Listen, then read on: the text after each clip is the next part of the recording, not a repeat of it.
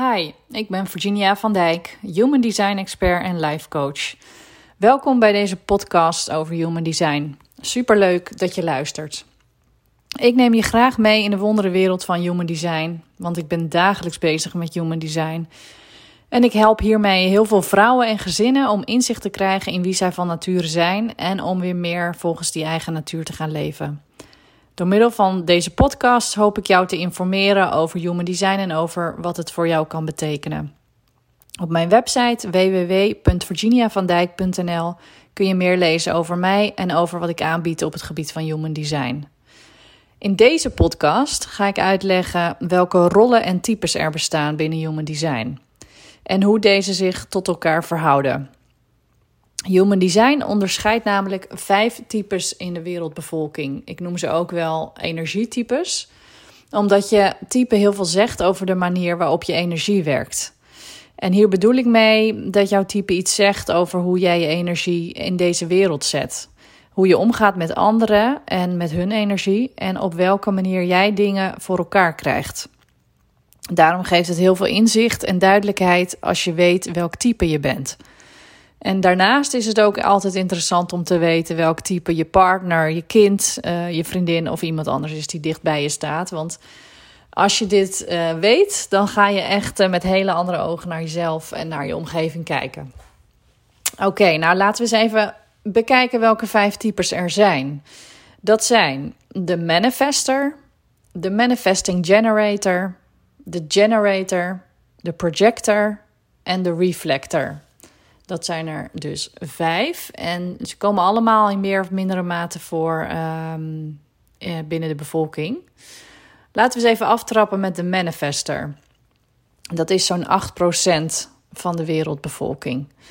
En de manifester is eigenlijk de enige echte aanjager in deze wereld. Omdat een manifester als creatieve initiator echt zelfstandig en zonder hulp van anderen in staat is om uh, doel na doel te behalen. En vergeleken met de andere human design types is de manifester ook het enige type die totaal nieuwe dingen in de wereld kan zetten. Um, en dit is dus voor een manifester de normaalste zaak van de wereld. Maar voor anderen die dat niet zijn, um, ja, is dit jaloersmakend of, uh, ofwel bewonderenswaardig. Um, een manifester kan zelfstandig het hele traject van ingeving uh, van een idee tot het concrete uitgewerkte resultaat doorlopen en realiseren. En je herkent een manifester dan ook wel als iemand die altijd actief is, niet te temmen, een echte wervelwind, zoals ik altijd zeg.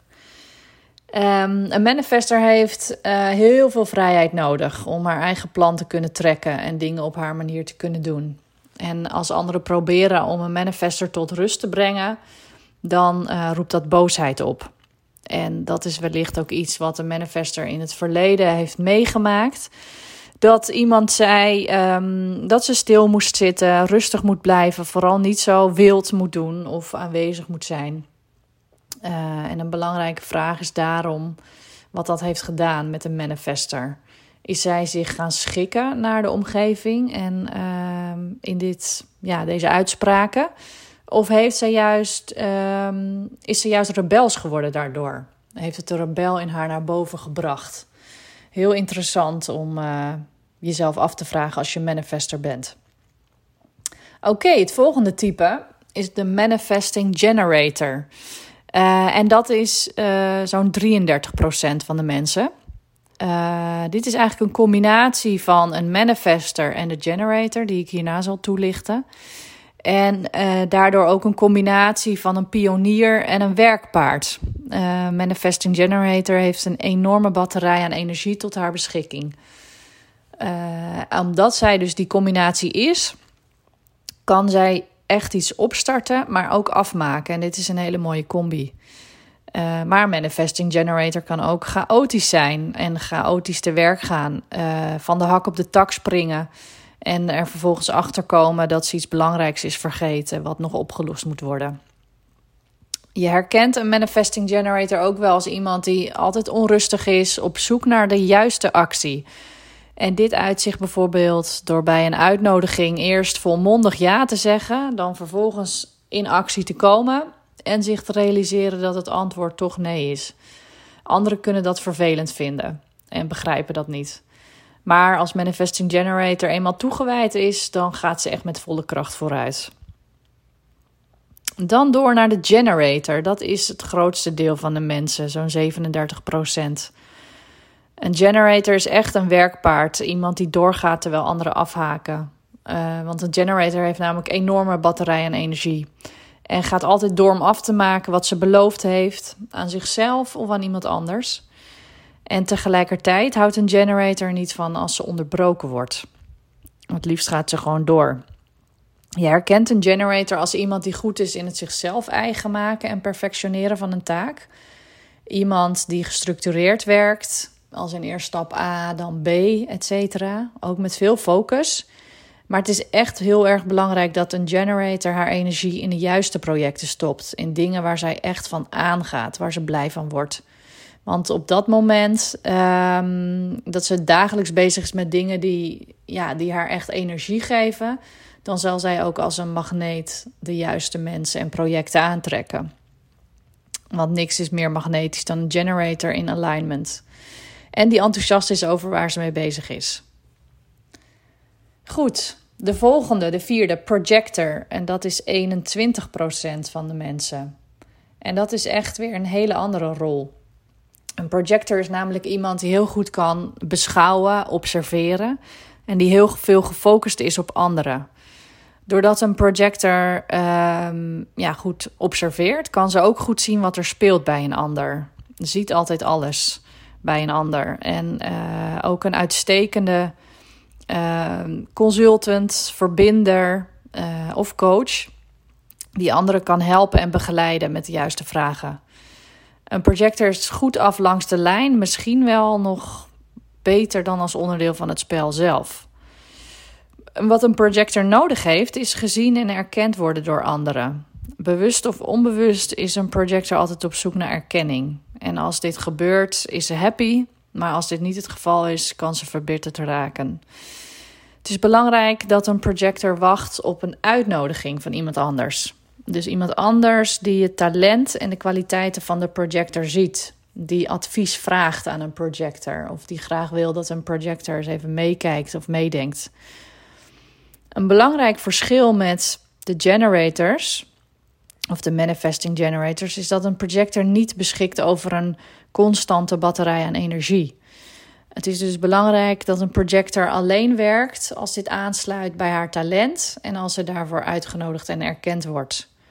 En tussendoor kan zij dan uh, ja, lekker rust pakken en de natuur opzoeken, uh, zodat ze de energie van anderen van zich af kan laten glijden. Dan als laatste de reflector. Dat is echt maar 1% van de mensen. En ik zou graag eens even een reflector ontmoeten, want dat heb ik nog niet uh, gedaan. Een reflector is iemand die heel veel waarneemt, uh, heel erg gefocust is op de ander en op de omgeving. Iemand um, die heel erg spiegelt. En dit doet een reflector door alles in zich op te nemen uh, en weer terug te geven wat ze zien, horen of voelen.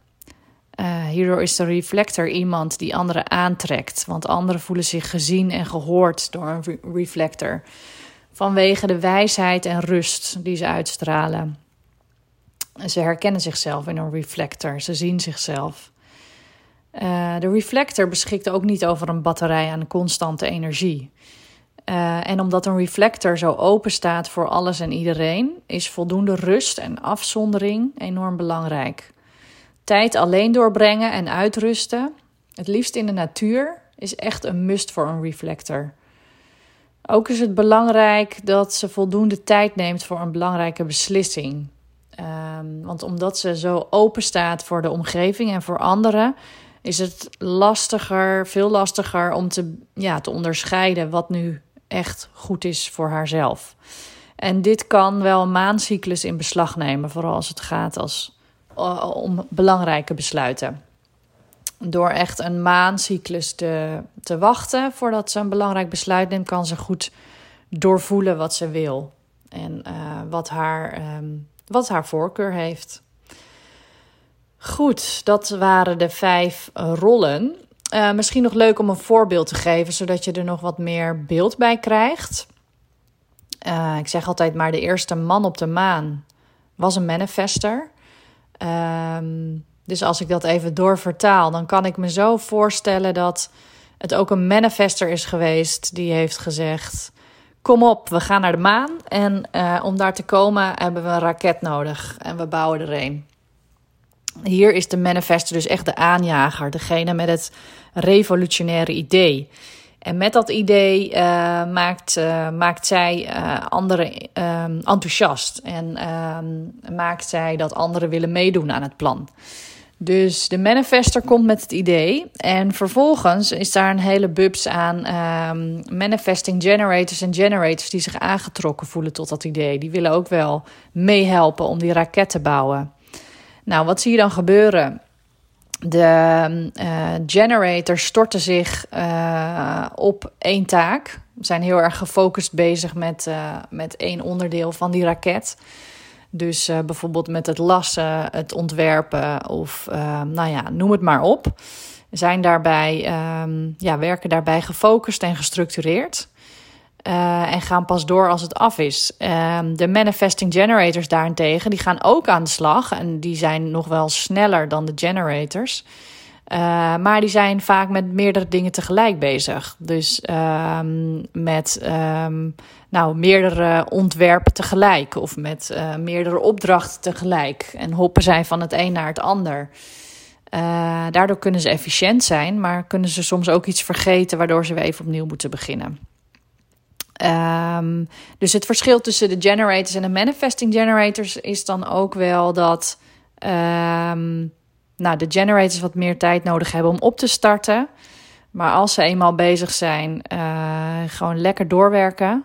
En de manifesting generators die, uh, die horen het idee aan van uh, we bouwen een raket en die gaan meteen als een malle aan de slag. Die hebben daar ja, minder tijd nodig om op te starten. Um, nou, vervolgens de projectors. Wat is hun rol in dat geheel? Die overzien toch meer. Dus um, de generators zijn allemaal lekker aan het werk. De manifester die, um, die blijft uh, de visie uitdragen. Die helpt uh, ook bij bepaalde taken. Uh, maar de projector die staat wat meer aan de zijlijn. Die zorgt ervoor dat er materiaal is. dat iedereen weet wat hij moet doen. zal zien als iemand toch af is, beter af is op een andere plek in het geheel. Dus echt meer de manager van, uh, van de groep. De manager of de leider. Um, omdat die heel erg aan het beschouwen is. En uh, nog verder op een afstandje uh, kun je de reflector vinden. Um, degene die spiegelt hoe de groep ervoor staat, hoe de sfeer is in de groep. Um, en waar mensen naartoe gaan om even te sparren of om even hun ja, even te overleggen of even aan te geven hoe ze, er, uh, hoe ze in de wedstrijd zitten. Dus al met al heeft iedereen zijn rol bij het bouwen van die raket. En um, dat is dus echt een andere rol die, um, die de verschillende types hebben. Um, dus ja, iedereen zijn eigen rol, maar ook iedereen zijn unieke rol en uh, toevoegingen.